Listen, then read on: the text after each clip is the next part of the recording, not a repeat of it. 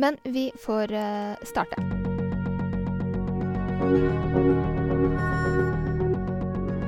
Ja, det er lov. Vet ikke hva jeg skal si. Frifolk? Hyggelig å ha dere her. For er dette en lyd jeg hører? Frifolk. Er du klar? Nå, nå angrer jeg meg litt. Og det Det er ikke sånn at du liksom nå bestilte riks. Da er jeg fornøyd. Da kan du stoppe. Jeg lurer på om vi skal starte aldeles eh, snart. Ja! Å, så koselig. Yes, er, vi klare baki der? Ja, det er vi. Nydelig. Da er det bare å si eh, velkommen til eh, denne liveinnspillingen av Frifolk. Fryfolk. Vi sitter på eh, Salt. Det er eh, Oslo Fringe. Og det er en veldig god stemning her med sol og veldig flotte gjester. Og et veldig flott eh, publikum. Kan, kan ikke dere si hei, publikum? Hei! Ja. Å, veldig bra. Og så har vi noen eh, fine gjester her. Vi har eh, Eirik Blekeshaune. Vi har Annike Flo. Vi har eh, Torbjørn Davidsen. Og vi har Anne Gerd Grimsby Haarr fra De utvalgte. Mm. Veldig flott. Gi de en applaus, da.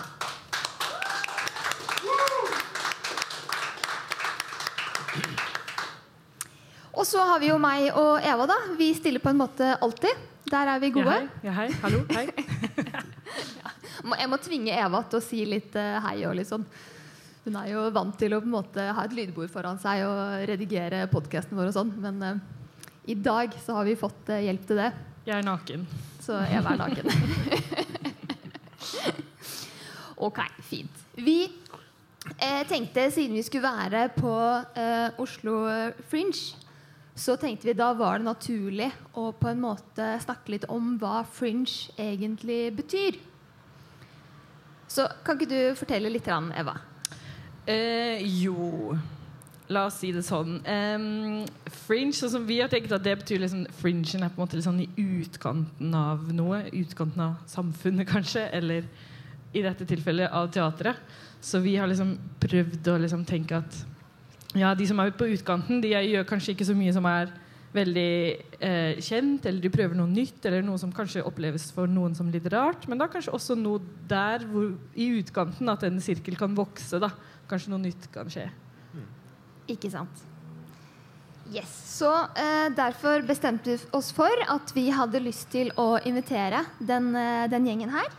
Eh, fordi vi tenkte at det er, det er noe flinsjete med dere. Enten i form av liksom, metode eller stil eller prosjekter som eh, dere har gjort. Det er absolutt noe fringete. Jeg må bare snakke høyt over den bussen som kjører forbi her. Yes, Så eh, åh, dere, dere må jo også si hei. Kan ikke dere si hei også? Hei. Hei. Yes. Bra. Fint. Yes. Jeg tenkte vi skulle starte litt med at vi snakker litt med hver og en av dere.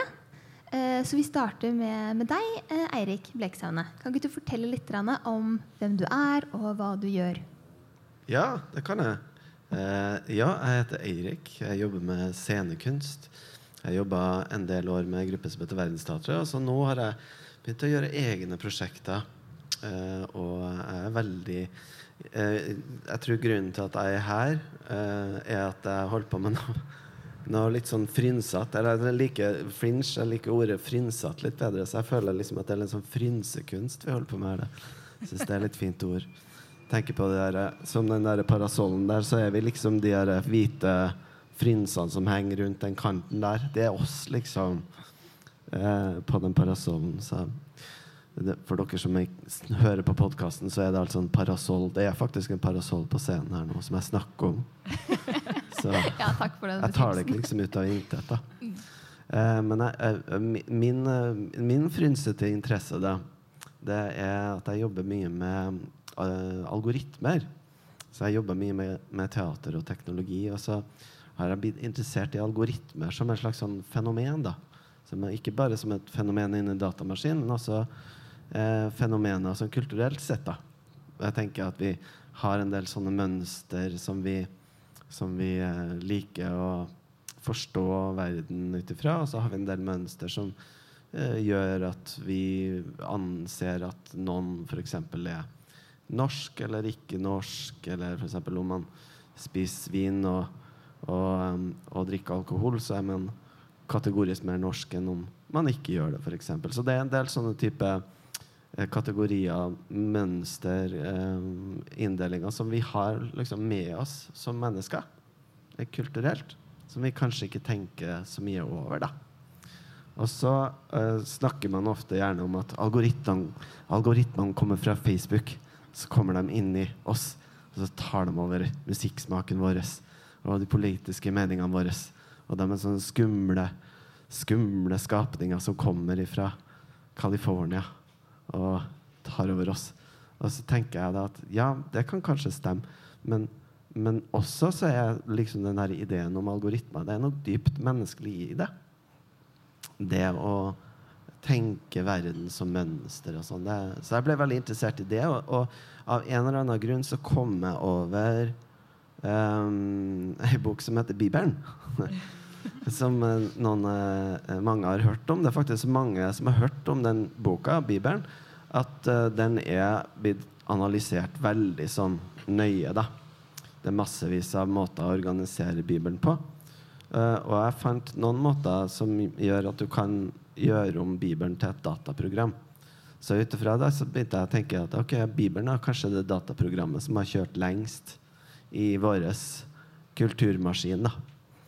Så ut ifra det så fikk jeg ideen om å lage et teaterstykke om det som jeg har kalt for Logos pneuma. Jeg får så mye spørsmål om hva Logos pneuma betyr, men det betyr altså det gresk. Og det betyr liksom ord og ånd, på en måte. Eh, kort fortalt.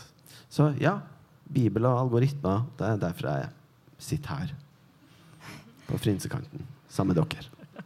Gøy. Hvordan har publikum tatt imot dette her, da? Eh, ja, så Det er jo ikke så mange publikum som har fått tatt det imot. Det er jo mest pga. smittevernreglene. Ja. men eh, jeg vet av én her i panelet som har sett den. Én mm. av 60. Vi fikk en 20 per forestilling, så det føles litt som føles litt sånn som den, den, gangen jeg drev og spilte sånn støymusikkturné. Og sånn, da kom 20 stykker på. Så det er litt på den feelingen der. Men eh, det er blitt eh, bra tatt imot av dem som uh, har Så jeg kan bare anbefale det, altså. Vi får lov til å spille det igjen, da. Ja, det er veldig, veldig bra. Men jeg bare lurer på hvordan på en måte når du har eh, jobbet med dette, her, sitter du igjen med Har du, har du lært noe, noe, mer enn det du visste fra før? Ja, jeg har lært å, å, lage teater som ligner på teater, i hvert fall. Mm. Altså, det var på en måte litt av ideen min, da, at, at, eh, at jeg er jo ikke ekte regissør, egentlig. Mm. Um, ikke, så, så, da tenkte jeg at da måtte jeg jo lage et, et teater som ligner på teater. Men det er egentlig ikke helt sant, da, men, men, jeg, men, jeg, er fascinert av ideen om når noe ligner på noe samtidig som det er noe. Altså, for eksempel hvis du kjøper Hvis du går på en uh, ja, nå Hvis du går på Fretex, så kan du bla gjennom de LP-ene LP som er der. Og så kan du få seg sånn uh, 'Holiday in the Alps' kan være ei sånn plate. Og da er det bilde av kanskje noen som står og jodler, og så er det en, et trekkspill eller noe sånt. Og så kjøper du en plate. Så det ikke eneste navnet til kunstneren står ikke der. Det er bare liksom et, sånn, sånn, en eller annen sånn musikkmasse da, som bare er musikk, uten at det er noen musikere eller komponister bak. Så det får meg til å tenke på at liksom, det er mye musikk, det er mye ting vi omgjøres med, som bare er den tingen det er, uten at det er liksom kunst, da, på en måte. Mm. Uten at det er produsert av noen. Så, det, det, så der ble jeg liksom interessert i ideen om teater som ligner på teater. At det er liksom ikke ekte. Det ligger såpass ute i fringen at det ja, ja, ja, så vidt sant? at du tør å kalle det teater. Mm. Det går nesten. Men, eh, men, jeg har på en måte jobba litt sånn. Også når jeg jobber med, med en gruppe Verdensteatret, så har vi jobba veldig sånn eh, eksperimentelt, kalles det. Eh, jeg leste en gang at det var vi, vi ble kalt eh, det mest eksperimentelle kompaniet i, Norge. Det syns jeg var veldig interessant å si, for det var liksom er det vi som gjør flest eksperimenter, eller hva betyr det? Det er en sånn merkelig ting å si. Da. Men, eh, men, litt av det som lå i det, det var jo det at, at vi jobber med ting som kanskje eh, når man tenker teater, så er det kanskje ikke en historie eller en tekst, eller, men det kan være kanskje det er ei lampe som forteller en slags historie. Altså en måten ei lampe blinker på, og en farge skifter på, et, eh, på en bakvegg, kan på en måte fortelle noe. Selv om den ikke forteller om Eva som gikk til skolen og kjøpte brød. Men den kanskje forteller noe som er litt vanskeligere å fange hva, hva betydninga er, selv om det oppleves litt som meningsfylt. da. Så, så jeg har liksom jobba litt sånn med teater som ligner på teater ganske lenge. Ja, Men det er første gang at jeg faktisk har sagt det, da. Eller bestemt meg for at det skal jeg gjøre. Skal jeg virkelig lage en teater som ligner på teater. Det virker jo som om det er ofte det som skjer. Da, at, at når noe som ikke har en historie om Lise som går til skolen, så, så er, oppleves det som fringe eller eksperimentelt med en gang. Men, men, eh, men, er- men føler du også det? At det, bare du ikke forteller en historie, så er det eksperimentelt? Nei, nei. Det, men det er også litt det som jeg snakka om, det med det å være mest eksperimentell av alle sammen. Ja. Altså hva det faktisk innebærer. da Og, og for meg så er det så blir jo det, det Det huler jo litt ut den ideen om hva som er eksperimentelt. For at jeg vet ikke Det er noen kunstnere som er eksperimentelle, og så er det noen kunstnere som ikke er eksperimentelle. Og hva er forskjellen på dem? Ja. Eh, det er ikke så lett å si, da. Men, eh, men jeg, jeg tenker jo det at man kanskje i hvert fall er litt sånn åpen for at, eh, at ting kan ha mening på forskjellige vis. Selv om det kanskje ikke har en betydning i form av hva du forteller om det. Eh, men der blir jo veldig mange nervøse hvis du ikke skjønner hva betydninga av ting er. Ja, Ikke sant? sant? Altså, du går, også, er det noen som gjør noe som, rart som du ikke har tenkt på at du kan gjøre på en scene. Og så er det nesten litt skummelt, ikke sant? for at de, de bare sitter der, eller det er vanskelig å, å vite hva, hva Og så blir du litt sånn avkledd som publikummer. ikke sant? Blir litt redd, og så tenker du sånn Oi, men alle andre her vet jo hva det her betyr. Eh, så det er bare jeg som ikke skjønner meninga. Men det er liksom, jeg synes det er interessant fors forskjellen da, mellom de to ordene betydning og mening. Mm. Der, der når jeg sier mening, så er det Nei, når jeg sier betydning, så da mener jeg litt sånn Lisa gikk til skolen, kjøpte brød på 7-Eleven. Eh, hvis jeg setter veldig sånn, veldig sånn tydelig skillelinje, da. Så hvis jeg sier 'det er betydning', og så sier jeg det med mening, det er litt vanskeligere å fange. Det er bare liksom det øyeblikket der du syns at noe funker. Og det kan jo skje det kan jo skje selv om du ikke opplever kunst. Du kan jo ha en meningsfull opplevelse av ting som ikke er kunst, og faktisk. Sant. Ok, Jeg glemte å si det til dere publikum, at uh, det er helt lov å liksom bestille seg øl og liksom eh, lage lyd. Puste, le. Det går helt fint. Selv om det er en uh, opptak vi holder på med, så er det bare hyggelig at det er stemning da, fra, fra salen. Og hvis skulle liksom, hvis du virkelig brenner inne med et spørsmål, så er det også helt lov å liksom rekke opp hånda og stille spørsmål. Det kan hende du må veive litt med hånda for at jeg skal klare å se deg, men du kan prøve. Velkommen til å prøve. Takk, Eirik. Jeg lurer på om vi skal gå eh, videre til, eh, til Annike Flo. Yes. uh, ja, jeg heter Anni, Annike. Um, jeg egentlig startet ut som kostymedesigner. Oh, snakk litt høyere, Litt høyere? Ok. Ja. Sånn? Er det? Ja. Um, startet ut som kostymedesigner. Jobbet med det i ni år i London. Um, og da var jeg Fokuserte vel egentlig mye på immersive teater, så jeg føler jeg ikke helt så bra oversatt til norsk ennå, med mindre noen her eh, eh, ja, kan skrike ut om det. Um, så har jeg vel alltid jobbet utenfor teateret. Um, Det eh, liker vi her i Frifolk. ja. ja. Um, så det er vel på en måte begynnelsen min, da. Eh, men så i det siste har jeg gått over til å jobbe Ja, jeg hadde lyst til å jobbe mer individuelt og egentlig ha mer kontroll over det jeg jobbet med, og var veldig interessert i miljøet som tema.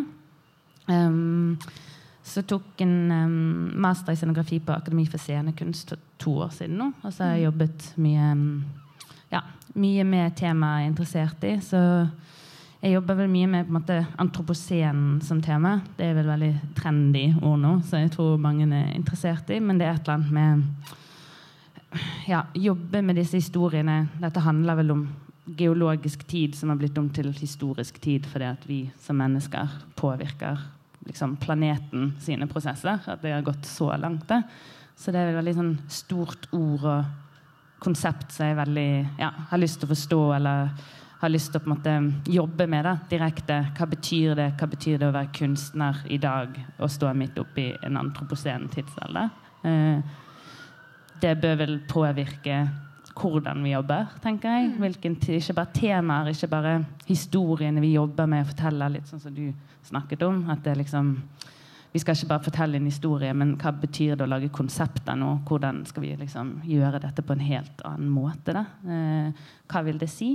Um, så jeg jobber veldig mye med andre måte, skapninger eller dyr, eller prøver å forstå de, eller ha en connection på en annen måte. Så det er vel noe med natur og kultur som ikke er liksom fra hverandre lenger. Ikke binært, men, um, men, er det samme.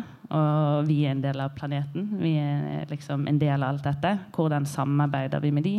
Eh, hvordan ser vi de på en ny måte? Hvordan får vi egentlig til nye virkeligheter? Det er vel kanskje noe teater kan gjøre mer enn noe annet, føler jeg av og til. At du blir en del av noe. Publikum er en del av noe. Eh, hvordan lager vi disse nye virkelighetene vi har lyst til å se? Um, ja. Så det er vel ganske abstrakt om det, men jeg har jobbet mye med østersopp. har jeg laget en forestilling med. jobbet mye med? Østersopp. Altså det er ja, en type sopp som ja, eh, det, var det noen som likte det? Uh, prøver å slippe det liksom inn i ja, Hva skjer når man slipper et annet vesen? Eller en annen ting? Det kan jo også sånn som du snakker om algoritmer. Hva skjer når vi slipper det inn i vår prosess fra begynnelsen av? Måte, og ikke bare dette er en historie om østersoppen eller om algoritmene, men hva skjer når det er liksom i det fra begynnelsen av? Så jeg jobbet da med østersopp Um, så på en måte samarbeidspartner, ikke materiale, og se hvordan det gikk. Så det, den har lyst på lys og mørke, den har lyst på fuktighet. Den har liksom brakte med seg mange ting da, inn i en forestilling uh, så jeg kunne jobbe kreativt med som måtte, materiale eller historie eller dramaturgi. da, Dens liv. Uh, ja, uh, på en måte en sånn ja, dramaturgien til det jeg jobbet med. Og, ja. Så vi kan kanskje gå mer inn på det etterpå, akkurat hvordan man jobber med disse tingene. Men mm. Nei, men Det er veldig, veldig, spennende å høre om noen som jobber med, med sopp. Det ja. møter man jo ikke hver dag. Hvordan eh, reagerer folk når du forklarer dem det? Um, det er vel Ja, jeg tror det kan bli abstrakt, kanskje. At folk ikke helt mm. skjønner hva du snakker om av og til. Men det er vel også noe å se det og være der. Der blir det vel noe annet, liksom. Um, det er vel mange som syns at det kanskje ikke er teater. Jeg syns jo det. Jeg syns jo det er en performer og samarbeidspartner og gjør de tingene vi egentlig gjør som mennesker. på en måte. Mm. Um, men ja, det er vel kanskje fringe, fringe siden vi snakker om det i dag, da. Uh, mm. Men mange positive tilbakemeldinger også, og mange barn spesielt, syns jeg, som lik, liker det. Som på en måte forstår det og liksom tenker ja. OK, ja, ok, mm. sopp. Eller mikroorganismer. Eller ja de er liksom litt mer med, da. Mens voksne, kanskje liksom som du snakket om også, er sånn Oi, er det noe jeg ikke forstår? Hva er dette for noe? Ja, burde jeg vite? Burde jeg ja, forstå dette? da? Mens barn hopper liksom inn og tenker OK, great. ja, du, du, hvordan har du liksom For det er et prosjekt du har hatt nå, så nå skal du lage noe nytt. Er det noe, ja. en erfaring du tar, med, tar derfra med videre? Er det noe du skal liksom videreutvikle? Er det noe nytt du begynner på da? Akkurat nå så er det vel egentlig hver gang jeg har gjort et prosjekt, så har man liksom innsett at det er veldig mange feil i det prosjektet man har gjort. Så det er liksom det jeg tar med meg videre. Da. Så med Østersoppen så tok vi over Det var også interessant, for når man jobbet liksom med denne partneren, så fikk man ikke lov å være i en bygning. Det var ingen som hadde lyst til å ha det i liksom, kjelleren sin eller teateret sitt. Eller, ja. Så vi ble liksom forvist til en jordkjeller da, på NMBU. Det var i Ås. Eh, så vi fikk en liksom 25 meter lang jordkjeller som ingen hadde brukt på 50 år.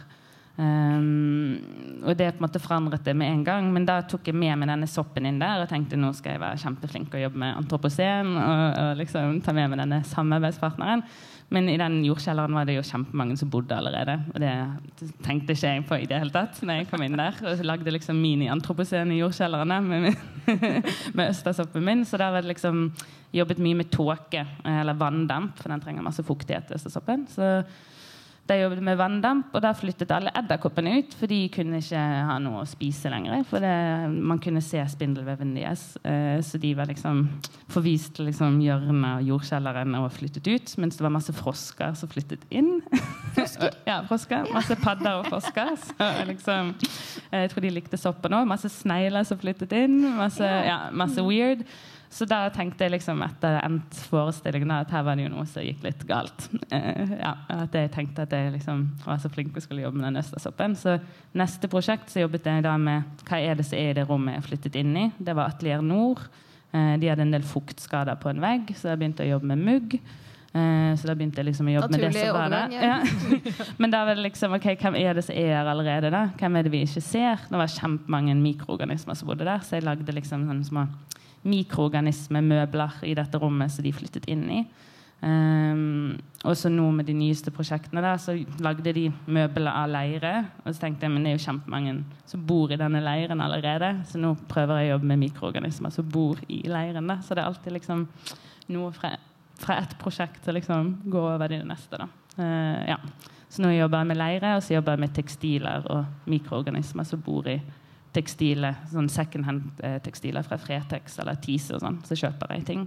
Og så er det liksom en slags sånn spøkelse av de som hadde det på seg før. da. Eh, for ja. mikroorganismen deres bor fremdeles i klærne deres. Så nå holder jeg på å gro, gro frem fremmede mennesker sine mikroorganismer i klær. Mm. så ja, det hopper liksom fra hver, hver ting jeg gjør, da. Så ja. Gøy. Ok, takk til deg, Annike. Eh, så eh, har jeg lyst til å prate litt med eh, Vi har to her fra De utvalgte. Torbjørn og Anne. Fortell litt. Dere startet jo i, i 1994. Um, jo, dere har god fartstid i, i teatret. Men da var dere liksom litt eh, pionerer, egentlig. For dere var de første som på en måte brukte 3D-film som scenografi. Og, kan ikke dere fortelle litt om det? Jo, det kan jeg. Eh, vi begynte jo før 94, for vi gikk jo på skole sammen, en del av oss, på en eksperimentell skole mm -hmm. Mm -hmm. i Danmark. For i Norge så hadde vi jo ikke noe eksperimentell skole eller noe særlig eksperiment. Det var vel Tramteatret. Det var litt før den tiden. Og de var jo på en måte eksperimentelle. De sang og hoppet rundt og gjorde forskjellige sånn ironiske ting. Mm -hmm. Og han Herodes falsk. Det er jo artig. Herodes, liksom, fra Bibelen. Falsk. Han satte seg på hodet, husker jeg, til en venninne av meg på Sandvika kino og gned den eh, grønne eh, strekkbuksa si i håret hennes. Det syns jeg var veldig, veldig sterkt. Eh, og sang om eh, Sara Palmer er pen og sånn. Men vi jobbet i Danmark, ja eksperimentell fysisk teaterskole. Og det viste seg at de jeg ble kjent med, var egentlig ikke så veldig opptatt av teater. Det var jo før det var billige flybilletter til Berlin. Så det var det som vi så av teater, var jo på Nationaltheatret og Det Norske og Oslo Nye, og det var jo ikke særlig spennende. Men allikevel, så av forskjellige grunner, så havnet, eller møttes vi der, da. Og så begynte vi å trene, og vi liksom utviklet et slags språk, som jo også handlet om å forestille seg noe. Eh, og så skjønte vi på et tidspunkt eh, at vi kan jo lage teater sånn som vi vil at teater skal være. Det kan være kjempespennende, og det kan være eh, masse musikk. Og det kan være film, og det kan være at man ikke sier noen ting. Og det kan være noe som slettes ikke har med psykologi å gjøre. Og det kan være reminiscenser fra surrealismen og dadaismen, og vi kan lage et kor hvor vi sier bæ, bæ, liksom, på forskjellige måter og, og sånne ting. Og så flytta vi til Norge. For vi hadde vel en eller annen forestilling om at det fysiske kunne vekke en slags gjenklang i Norge. Da. Vi opplevde kanskje at Norge var litt mindre utviklet enn resten av Europa. Så da tenkte vi ok, da må vi lage fysisk teater i Norge, for det vil nordmenn kjenne igjen. Og så tar vi bort alt det der nasjonalteatergreiene med en slags intellektualisme og historiefortelling og sånn, men vi er fysiske, og da vil folk merke at vi er på scenen, og så kjenne seg igjen i både smerte og glede og sånn, da. Så har det vel kanskje ikke vært liksom så direkte respons på akkurat det der. og ganske fort så sluttet vi å trene, for vi hadde jo ikke noe sted å være. For det har jo aldri vært sånn at i Norge så sier man 'vær så god, er dere teatergruppe, så har dere et sted å være fordi vi liker kunst' og sånn. Nei, nei, nei. Det sier her koster 50 000 kroner å leie dette her. Så, så sier kommunen ok, ja, hvis det er privat næringsliv, så betaler vi de 50 000 i måneden, liksom. Så det er mye rart, da. Men uh, i hvert fall så begynte vi jo med alt det vi ikke skulle gjøre. Og da fikk vi ikke penger av Kulturrådet, for de satt jo og sa nei, men dere er jo utdannet til fysisk eksperimentelt teater, skal dere snakke på scenen også? Ja, vi skal jo snakke, for vi har jo lyst til å gjøre det vi ikke kan. Ja, da får dere ikke penger. Og så, men så fortsatte vi da å snakke, gjorde vi. Og vi satt stille i en stol istedenfor å være fysiske. Og det var mange ting. Og plutselig var vi psykologiske og gråt og snakket om barndommen. og mange sånne ting. Og så begynte vi med film. da Fra først, første stund liksom så begynte vi å integrere video. Mm.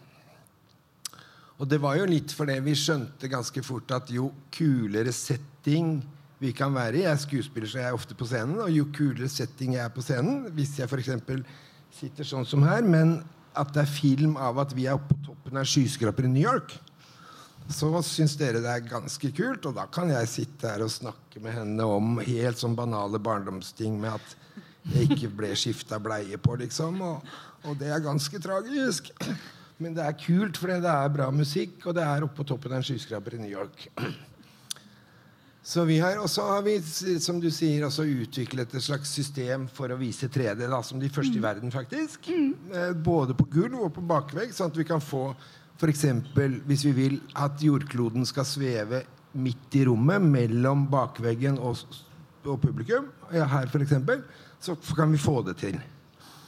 Så ser vi, og så kan vi snurre litt på den, og så kan vi ta noe opptak fra NASA, for eksempel, og så høres det ut som vi er i verdensrommet. Og så, og så kan vi lage en kontrast til det med et lite barn, for eksempel, og så får vi hele det spennet mellom mm. barn og, og verdensrom, f.eks. Ja, for nå snakker du egentlig om et spesifikt prosjekt. Hva het det? Ja, det første vi klarte å lage sånn 3D-opplegg på, var en forestilling som het 'Kunsten å bli tam'. Mm. Hvor vi prøver å ta for oss historien om mennesker og dyrs sameksistens.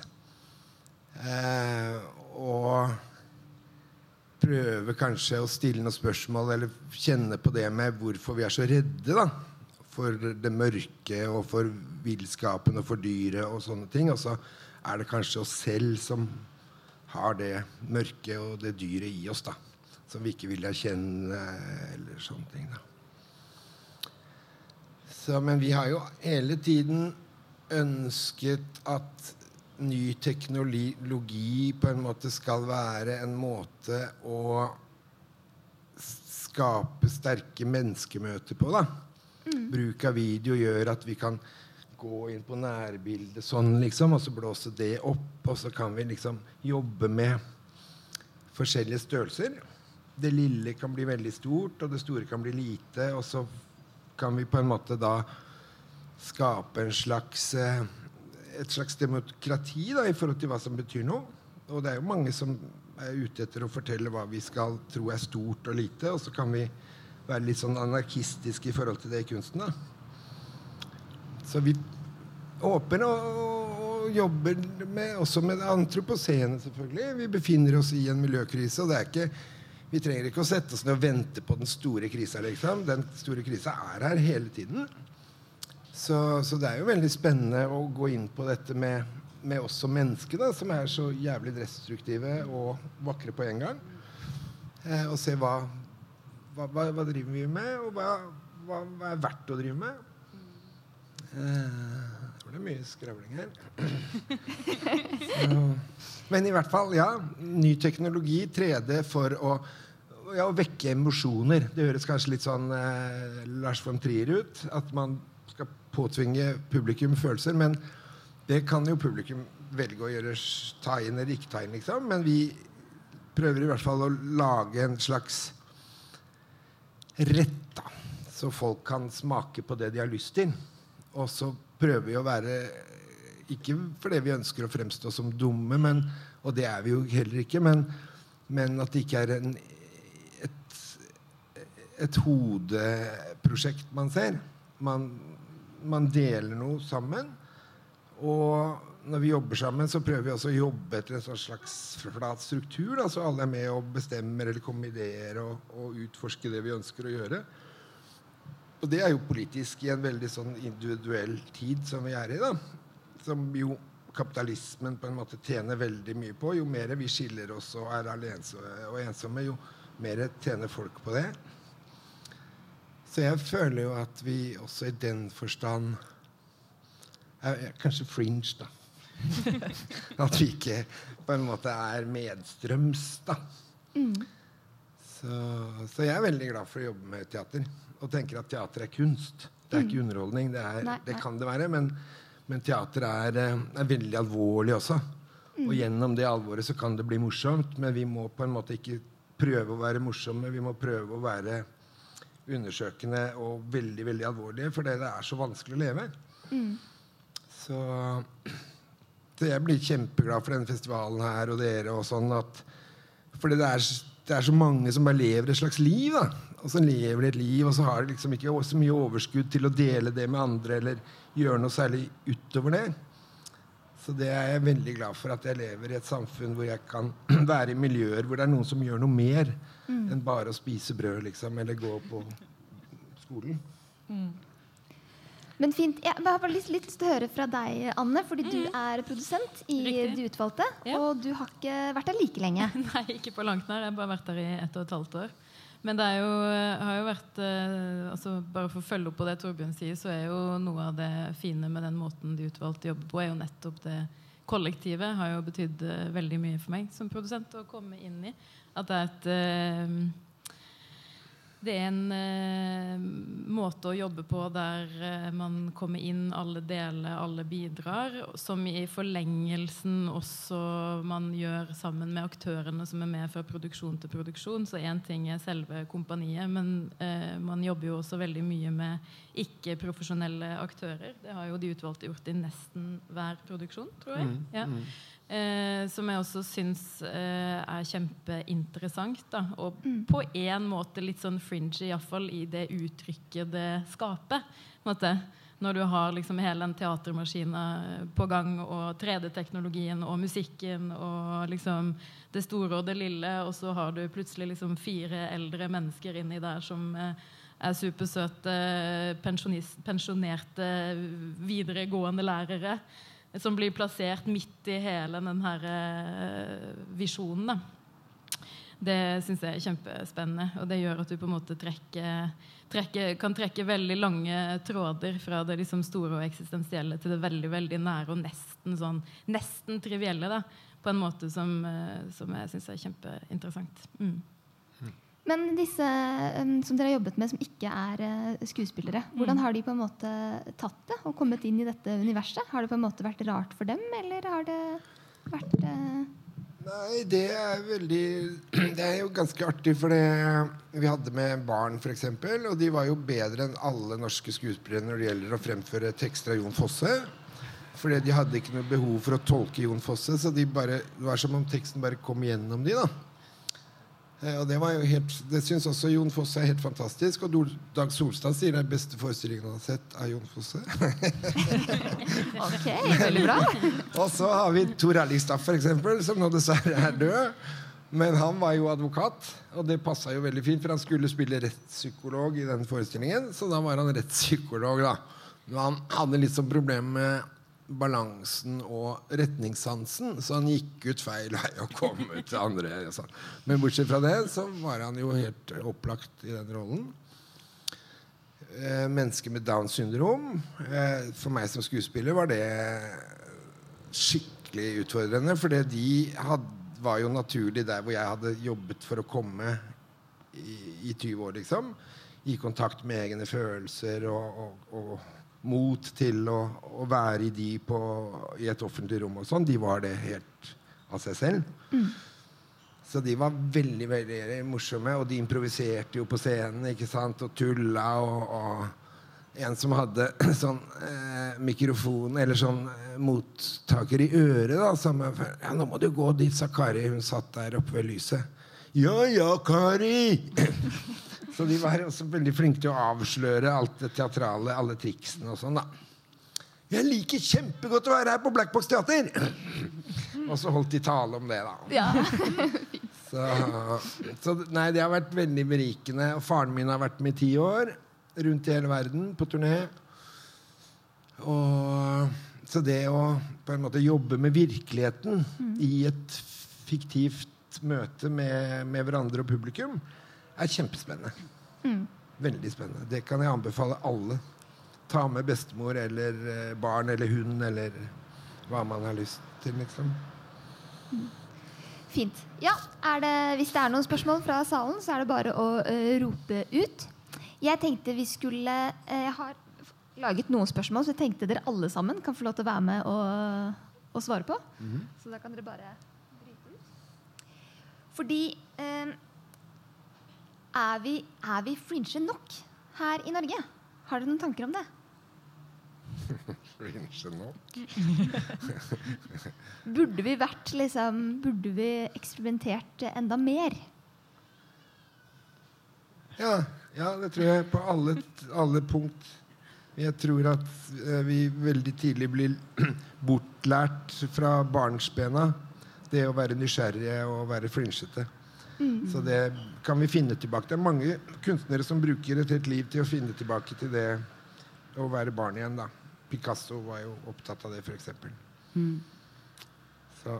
Jeg, jeg tenker jo at det handler litt om om publikummet og, og, måten vi kommuniserer til det publikummet. Jeg tror, jeg tror akkurat det der er punktet der når du blir litt voksen, og du, for, du, du, kjenner kanskje litt at det forventes noe av meg at jeg må forstå det. Og liksom klare å, å møte folk med, med, at ja, det er skummelt, men det er bare kunst. Eller altså den der litt sånn derre senke litt sånn den opplevde terskelen for, å, for å, å, tørre å bare være i det. da mm. Det tror jeg kanskje er litt sånn Og det, det, det er veldig fint det der med, med, å tenke på nettopp barn. da mm. Ikke bare hvordan de opplever uh, Opplever og, og kunst, Eh, med en mye større åpenhet. da Men også hvordan barn lager kunst, eller gjør kunst. Da kan man si hvis du hvis du, hvis du er barn så, du, eh, når, jeg, når, jeg, lærte meg korsting, så var det liksom Jeg, jeg, jeg gjorde korsting. Jeg, jeg, vevde ikke ting med, i korsting for å lage noe som jeg kunne ta hjem til mora mi. ikke sant? Bare, det var liksom aktiviteten å sitte der og høre på Wenche Myhre-kassetten. Og liksom, være helt inni Det var helt formativt. Men, men, akkurat den der opplevelsen der skulle, skulle, man jo gjerne hatt. ikke sant? Eller, jeg, jeg, opplever jo det støtt og stadig i mitt arbeid. da Når jeg holder på å skrive søknader. Hva jeg ikke gjør, eller når jeg sitter og eksperimenterer med ting eller gjør eksperimenter, så, så opplever jeg jo den der litt sånn der re, rene tilstand, eller hva man skal kalle det. Men, det, men jeg, jeg, tror, det, jeg tror det, det er noe som er Ja, vi har liksom ikke noe språk for det. Vi, vi kaller det eksperimentelt eller abstrakt. Mm, mm. Men, og, og, det er jo liksom ja, Særlig det ordet abstrakt syns jeg er også litt fascinerende. For det abstrakte sier man gjerne hvis man ikke forstår.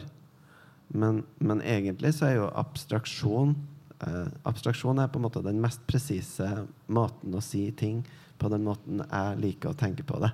Ikke sant? Sånn tenker jeg om ord abstrakt. At det er ikke abstrakt i form av at jeg prøver liksom å være litt avansert og gjemme ting. Eksempel når, når du snakker om antropocen og jobber med det er noen som allerede bor i leira, mm. så, så, er jo ikke det å være abstrakt for å snakke om skapninger som ikke fins. Det er jo fordi at det er noen som bor i leira, slik jeg tenker på det. ikke sant? Eller når jeg snakker om algoritmer, så så er det ikke for å være abstrakt og avansert og teknisk, men det er fordi at ja, det er det fenomenet jeg er interessert i, og jeg må bruke et eller annet språk for å snakke om det. Mm. Algoritmer er jo egentlig ikke abstrakt. Det er jo egentlig liksom veldig Vi kan på en måte ja, Ja, måle det, det. det er mange måter å liksom nærme seg det på. Så, altså, det er ikke sånn at alle må være dataprogrammerere for å kunne få noe ut av, av det. Ikke sant? Mm. Det, det er litt sånn akkurat, du, du må ikke ha lest teaterstykket for å få noe ut av det, på en måte. Mm. Eh, selv om du går på Nationaltheatret og ser et Ibsen-stykke som du ikke har lest, så kan du få noe ut av det. Altså, det er noe der, da. At det, den åpenheten som vi kanskje så Vi er ikke så vant til det, på en måte. men kanskje det mangler noe i på en måte hvordan vi oppdrar, eller liksom har et ansvar overfor hvordan vi snakker med publikum. Da, eller hvordan vi får publikum til å få forstå at teater er ikke bare én ting. Og, for der er det, jeg føler der er det en sånn gap mellom hva publikum forventer, og hva mange lager. da. Absolutt. Ja. Jeg tenker, eller jeg opplever det også som at det er vans at publikum i Norge kan være ganske vanskelig også på en måte kommunisere med på den måten. Eller Litt sånn som du sier, hvordan, hvordan skal vi få dette til? For jeg føler eller i London så syns jeg det er ofte mindre eksperimentell teaterkunst. Når jeg kom til, tilbake til Norge, så syns jeg det var kjempegøy. For jeg syns de tingene jeg så på Black Box rundt omkring, var mye mer spennende enn det jeg så liksom, ja, i en sånn teaterhovedstad. Men så syns jeg at kanskje folk her var mer negative til kunst. At I England så oppfatter jeg at folk syns det er kjempegøy med kunst. Og hvis du sier at du er kunstner, så tenker folk wow, ok, kult, fortell meg om det. Men her er folk sånn åh, åh, åh, ok. um, så det er jo et eller annet det, Jeg vet ikke hvordan skal vi få det til. Eh, det, det vet jeg ikke. Men det er jo kjempeinteressant og noe man må jobbe med. Men det er veldig rart. Eller, jeg, og jeg opplever det så veldig rart. Um, jeg vet ikke hva er det vi har gjort som gjør at folk er så redd for eh, teater eller kunst. Eller, ja. Jeg tenker av og til at jeg har, har litt sånn Hvilket språk har vi for å snakke om det? da? Ja. Sånn ting vi ikke forstår. Hva, hvilke ord bruker vi når vi skal snakke om ting vi ikke vet hva er? Og det er ikke så lett alltid. Mm. for vi vil jo gjerne eh, spille det riktige språkspillet sammen med folk som vi har lyst til å imponere. Så hvis jeg har lyst til å, å imponere folk med, som er veldig opptatt av fotball, så har jeg liksom en liste med ti fotballkamper som jeg har memorert alle detaljene for. Så da har jeg liksom nok å gå på til at jeg kan komme inn i liksom den fotballgjengen og være kul. da Det blir viktig for meg da. Ikke sant? Eller, altså, det, og det samme gjelder litt sånn kunst òg. Eller det kan være musikk òg. Det kan være folk som sitter og snakker om musikk, og så lister de opp alle de Rolling Stones-platene som i kronolog... Altså, du vet. Så hvilket språk bruker vi når vi snakker om noe vi bryr oss om, eller når vi har lyst til å være en del av et miljø? Og, og kunstverden er jo, kan jo også være ganske sånn De har jo sitt eget eh, Eller vi har vårt eget stammespråk der vi snakker om Bruker masse ord fra uh, fransk eh, filosofi og, og har en del sånne type vendinger som vi kanskje bruker som kanskje ikke vi vet hva det betyr, sånt, men det er vel liksom det språkspillet vi er oppdratt i. da så vi gjør så godt vi kan, vi òg. Det gjør vi alle. Eh, Men det er noe med at det der, kanskje snakke om den, type, om den type kunstuttrykk på en sånn måte som gjør at det er litt Jeg likte veldig Jeg kommer tilbake jeg likte veldig godt når du snakker om det, det er noen som allerede bor der. Og det for meg så åpner liksom opp så mye i din eh, verden og den, det arbeidet du gjør. Og, og, og bare sånne type fraser får liksom innblikk i det eh, syns jeg er herlig. Og, og, da, da slipper du liksom å bruke du, du, du trenger ikke å snakke om antropocene engang. mm. sånn Som ordet trenger ikke å funke engang. Eller eh, Men man kan bruke vanlige ord, da. Eh, det er noe med det der å snakke om eh, eh, kan være en, eh, en, eh, en av dramatikeren i det stykket som jeg lagde, som heter Finn Junker, han brukte et sitat av eh, Som han sa si, eh, Bruk vanlige ord til å si uvanlige ting. Ja. Det kan ofte være en sånn fin sånn rettesnor i det vi holder på med. Da. At jeg trenger kanskje ikke å bruke de fancy begrepene for å snakke om det jeg syns er fint. Da.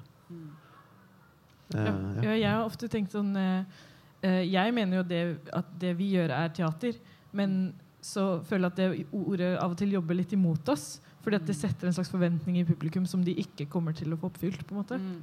Så, og Det synes jeg er ofte en vanskelig greie, for jeg har lyst til å si sånn, jo, men dette kan også være teater. Da blir jeg driver med litt sånn opplæring eller et eller annet. Mm. Men men det hjelper, de jobber litt imot meg. fordi at hvis jeg sier forestilling, som er mye mer nøytralt, så forventer folk litt mer forskjellig. Så, så det er noe jeg tenker ofte på. Da. Om, om er det egentlig teater jeg skal bruke?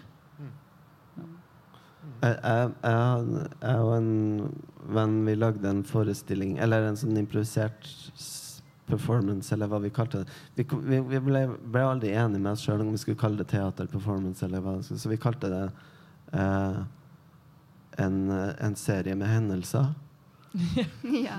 Så vi skal ut framføre en serie med hendelser eh, på to, tom, over to timer. Ja. Det, det, er- det er litt sånn, da. Ja. Eh, Jeg hører veldig ofte at det er så viktig å utfordre publikum. Nå vet jeg ikke om publikum selv føler at de har noe behov for å egentlig bli utfordret, eller om eh, publikum egentlig er bare takknemlig hvis de slipper å bli utfordret. Men eh, jeg ser noen nikk her i salen. Men er dere opptatt av å utfordre publikum? Jeg tenker at hvis man utfordrer seg selv eh, eh, ordentlig, så vil man utfordre alle rundt seg også. Eh, så, så Og man vil vel kanskje gjerne at det man utfordrer i seg selv, kommer gjennom, på en måte. da. Så da blir det jo en slags eh, kommunikasjon omkring utfordring. Tenker jeg. Men hva betyr egentlig å utfordre publikum? Jeg tenker kanskje det betyr å forstyrre dem. Eller man, man har, ikke lyst til å for, man, har man lyst til å forstyrre dem? Altså Ikke sånn at de er opptatt med noe annet, så kommer vi og spiller teater, så ja, å nei, det er noe teater. det. Men det er mer sånn jeg forstyrrer sånn, forstyrrer den, det, det, det, min forståelse av verden. da altså, Og så sitter jeg her og så sitter jeg og forventer å se på teater. Og så kommer det noen som gjør noe greier som jeg ikke klarer å forstå i teater. Da er jeg forstyrra. Det- det har forstyrra min forståelse av teater. Eh, så, så, så, si- så sier jeg da som publikum at ja, det, var- det var spennende. Ja. Og var Litt rart. og litt Kanskje. rart, kanskje. Altså, altså, så, og, og det burde jo kanskje være starten på en samtale, da. Eller um, at Fordi at Ja, spennende, interessant uh, Det er veldig to sånne Hvis du skulle lage et sånn histogram, altså se hvor mye de adjektivene har vært brukt i foajeen på Blackbox teater, da. Spennende og interessant. Tror jeg er ganske høyt oppe av adjektiv, altså. Jeg kommer ut og Og så, så hører du det ganske mye, da. Eh, og, det, og det sier jo det, altså det sier meg jo litt om, da. at, at um, Ja, det er noe med språket, da. Det språk, og det, det, jeg sa jo det med språkspill, da. Det er, liksom, det er jo referanse til Wittgenstein, egentlig, da. Men, men, men jeg, liker, jeg liker ideen om språkspillet, da. For at det er litt som den derre Eh, kanskje, vi, kanskje vi må pugge 15 andre adjektiv som vi kan slenge rundt oss i foajeen på Blackbox for å liksom føle oss trygge, da. Eller, altså, det er noe, men, men når vi har de eh, tokenene, altså de begrepene, og har et forhold til det, eh, og vi kan etter hvert begynne å se noen nyanser om at ja, kanskje det var, det var spennende, men det var ikke interessant, eller var det det, var, det, er ikke, det er ikke lenger spennende og interessant, men vi har mange andre måter å snakke om det på. Og da har vi kanskje lært noe. Da har vi blitt forstyrra nok til at vi kan delta i den måten å, å sette pris på kunsten på, som gir oss noe. Det er artigere å gå på fotballkamp når du kan navnet til spillerne. Og du kan, ikke sant? Det er noe med liksom å føle seg litt inn, inni det, på et vis. Uh, ja. Og så er det jo dette med, som du snakket om i sted også, som kalles abstrakt. da.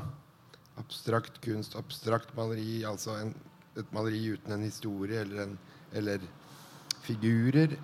Og som jeg opplever ganske mange blir sinna på. Eller det har vært i hvert fall perioder hvor folk har vært veldig sinna på abstrakt kunst. Og også de som kommer før abstrakt. De har vært veldig sinna på de yngre kollegaene sine som har begynt med abstrakt kunst. Og de har blitt nektet stipender og utstillingslokaler og alt mulig sånn. Henrik Sørensen var kjempesint på Weidemann og Inger Sitter og de, og de fikk ikke komme inn noe sted, liksom.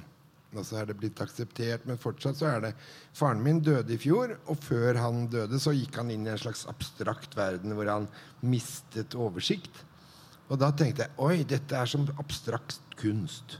Og han er redd. Og jeg blir redd også, på en måte. Eh, For jeg vet ikke noe om døden. Eh, Så sånn kan også kunsten være noe som ikke er språk eller filosofi eller begreper. Da. Men det kan være en opplevelse av noe som vi vet skal komme, men som vi ikke kjenner igjen. For det, døden har vi ikke vært i før, liksom. Så det er jo også et aspekt av dette med å utfordre oss selv og hverandre. Da. I forhold til noe vi ikke skjønner.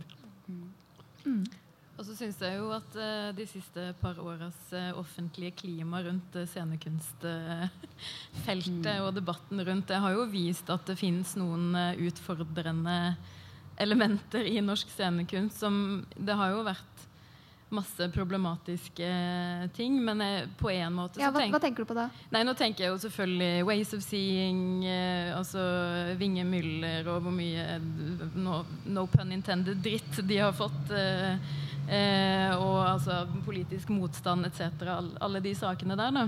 Hvis man ser på det helt sånn samfunnsmessig politiske.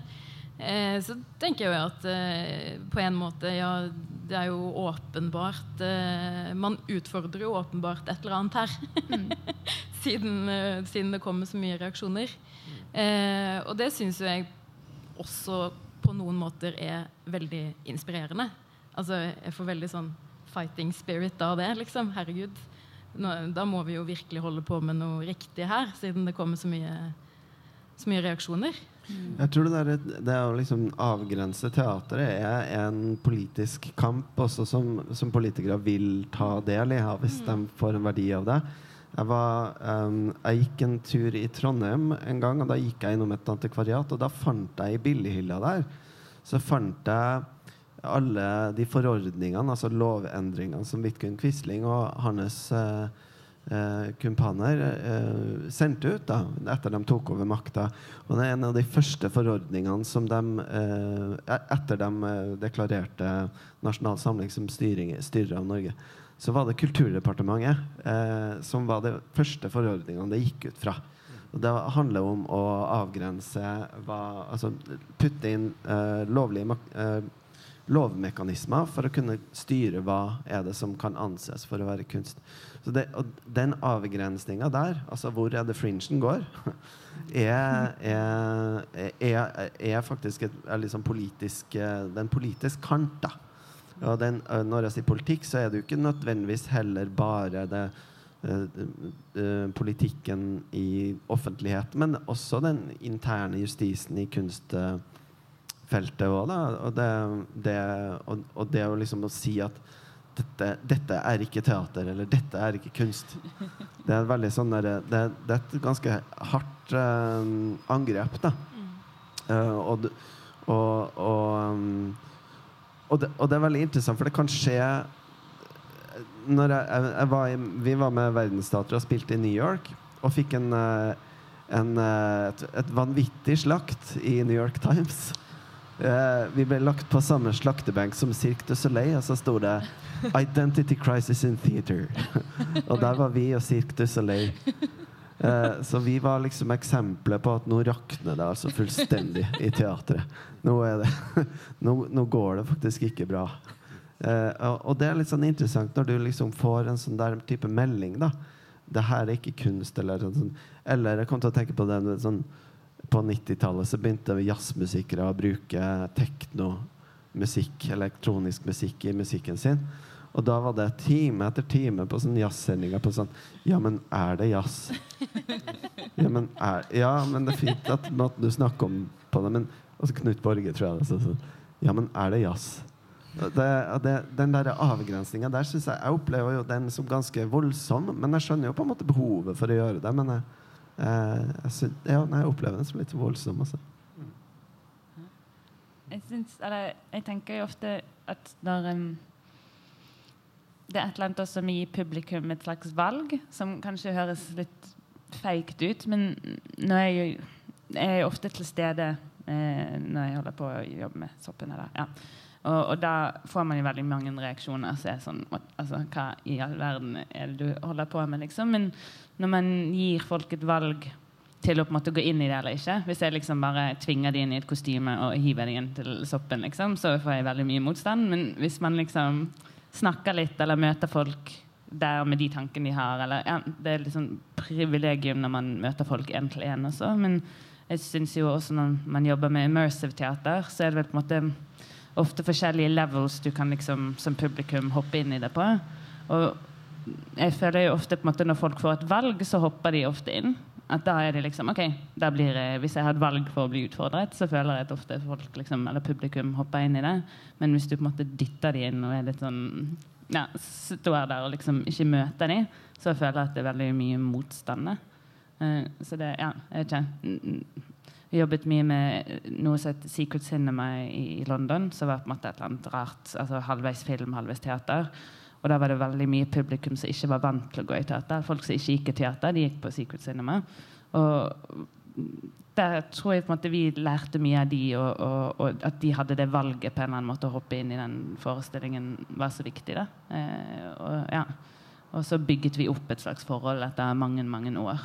Eh, ja, og at folk måtte mm, som ikke likte teater, plutselig var en del av det. Eh, ja. Ja. Så det er et eller annet ja, Jeg vet ikke. Gi folk gode valg også på en eller annen måte. Mm. Jeg tror jo veldig mange Når de liksom først blir med inn, så er det jo veldig mange som selv om man kanskje ikke forstår alt, eller føler seg dum, eller mm. som også liksom setter pris på både den rarheten og den kompleksiteten man får lov til å mm. være en del av. Mm. Men det er kanskje noe med det du sier, da, at man må liksom lage en eller annen gang mm. inn. Ja, ja. ja. og møte det og si og også liksom, Det er helt OK at du ikke skjønner dette. Ja, altså, jeg skjønner det heller ikke. Liksom. Det er ingen av oss som skjønner dette her, liksom. men, men uh, la oss gjøre det sammen. da Uh, og da føler jeg at folk blir ofte veldig positive. Ja. Veldig fint. Tida løper ifra oss. Oi, nå er det faktisk bare tre minutter til vi må avslutte. vi tar seks. Vi lager en serie til. ja, men det er andre ting som skjer her, så vi må slutte klokken to. Ja, takk. er det noen som vil spørre? Ja, for vi har egentlig en oppgave til, eh, til publikum. Uh, men lurer på om vi skal liksom Skal vi Eh, kjappe oss gjennom det. Jeg vet, vet, du hva vi gjør? Ja. Vi vet. Skal, de skal få oppgavene, så skal vi spille det inn seinere. Nettopp! Det var det jeg også tenkte. Vi er så vi er veldig bra. Ok, fordi oppgaven er Det ligger noen Post-It-lapper på bordene. Jeg vil at dere skal skrive ned eh, Siden vi snakker om den fringeste scenekunsten, så vil jeg at dere skal skrive ned et ord eller et tema eh, som er liksom eh, fringete. Som dere har lyst til å se noen lage scenekunst av. Som er liksom ja, det mest fringeste dere kan komme på. Uh, et ord eller et uh, tema, og så skal vi uh, spille det inn senere og, som et lite tips til alle scenekunstnere som lytter på. Kanskje, det, ja, kanskje ja. dette er noe dere kan som blir deres neste produksjon. Yes. yes. Og da er det vel egentlig bare å si tusen takk til Eirik og Annike og Torbjørn og Anne Veldig hyggelig å uh, ha dere her. Vi skulle gjerne prata mye lenger med dere. Dere har mye å komme med. Det er gøy. Veldig gøy. Ja. Spennende. Så bra. Yes. Så tusen takk. Tusen takk til dere. Tusen takk til dere. Takk. Det har vært veldig hyggelig.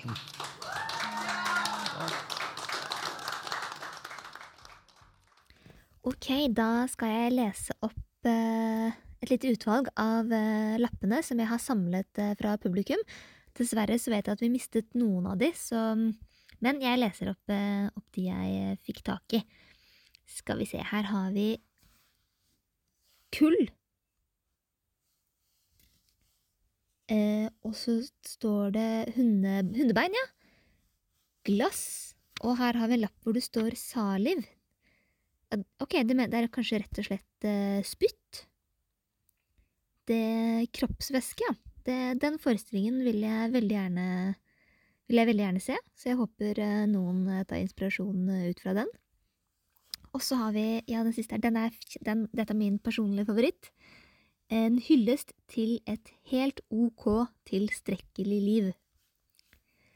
Det var ideen, noen av ideene våre fra publikum, så da håper jeg det er noen av dere lyttere der som blir inspirert og lager den mest fringeste forestillingen. ut av dette. Så hold oss eh, gjerne oppdatert om det er noen som eh, blir inspirert. Dere kan jo da faktisk sende oss en mail på frifolk at eh, osloteatersenter.no. Vi har oppgradert og fått oss egen mail, så det er jo gøy. Og så må vi bare, ja, takke for nå. Det er Oslo Fringe er ferdig, og det er også denne episoden. Så ja, snakkes vi? Ses vi? Høres vi?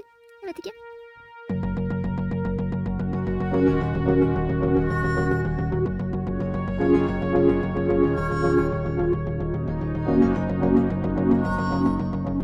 Frifolk er produsert av Oslo Teatersenter med Lise Grimlund Kjeldsen og Eva Rosmarin.